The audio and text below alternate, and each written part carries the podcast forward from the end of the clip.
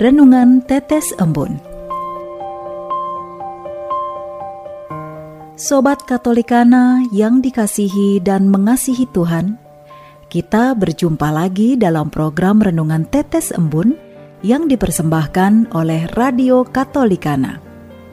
Mari kita siapkan hati untuk mendengarkan firman Tuhan. Renungan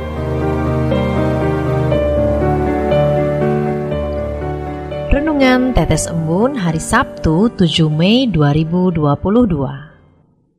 konsisten dengan pilihan pertama. Tuhan, kepada siapakah kami akan pergi?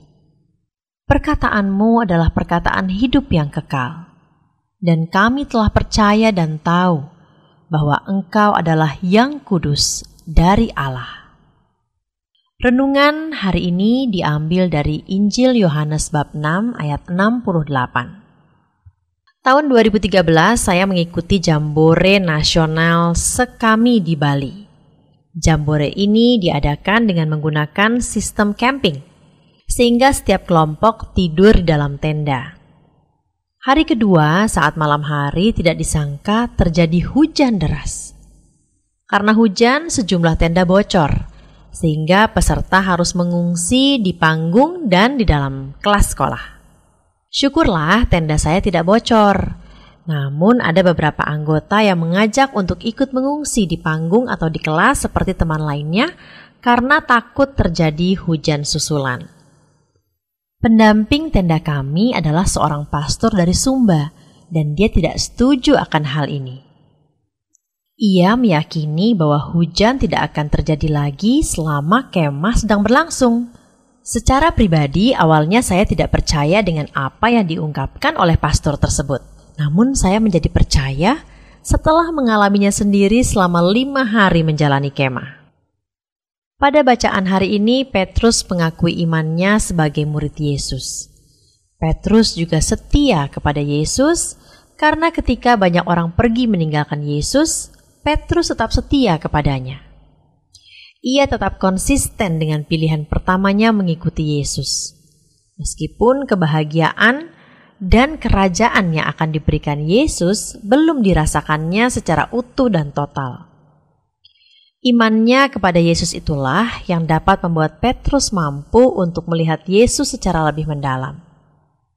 Di sisi lain, ternyata ada Yudas yang secara diam-diam menolak percaya kepada Yesus.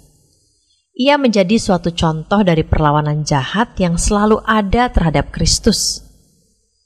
Inilah suatu kenyataan bahwa di sekitar hidup Yesus pun ada orang-orang yang menyenangi dan setia kepadanya, namun ada juga orang yang tidak menyukainya dan hanya sekedar mengikuti Yesus selagi masih menguntungkan. Begitu juga dinamika perjalanan kehidupan kita setiap harinya. Kadangkala kita menerima Yesus sebagai Tuhan kita dengan perbuatan baik yang dapat kita lakukan. Namun kita juga kadangkala menolak Yesus dengan bertingkah laku yang tidak dikehendakinya. Kita menyadari bahwa jiwa dan hati kita sering kali sungguh ingin mengikuti kehendaknya yang kudus.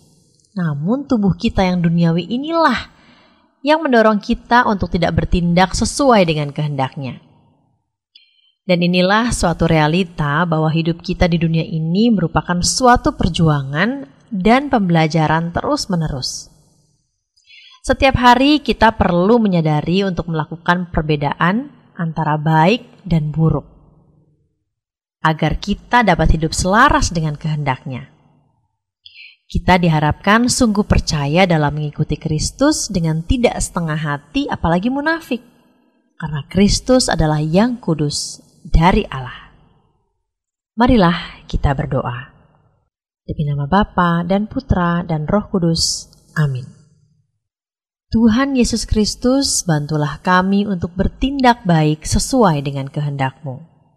Dan jadikanlah kami pembawa cinta kasih kepada sesama yang kami jumpai hari ini dan yang akan datang. Amin.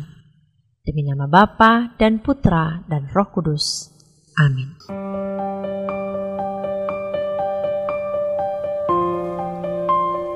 Demikian Anda telah mendengarkan Tetes Embun yang dipersembahkan oleh Radio Katolikana. Renungan Tetes Embun bisa Anda simak di Radio Katolikana, media sosial Radio Katolikana, dan YouTube Katolikana. Terima kasih dan sampai jumpa.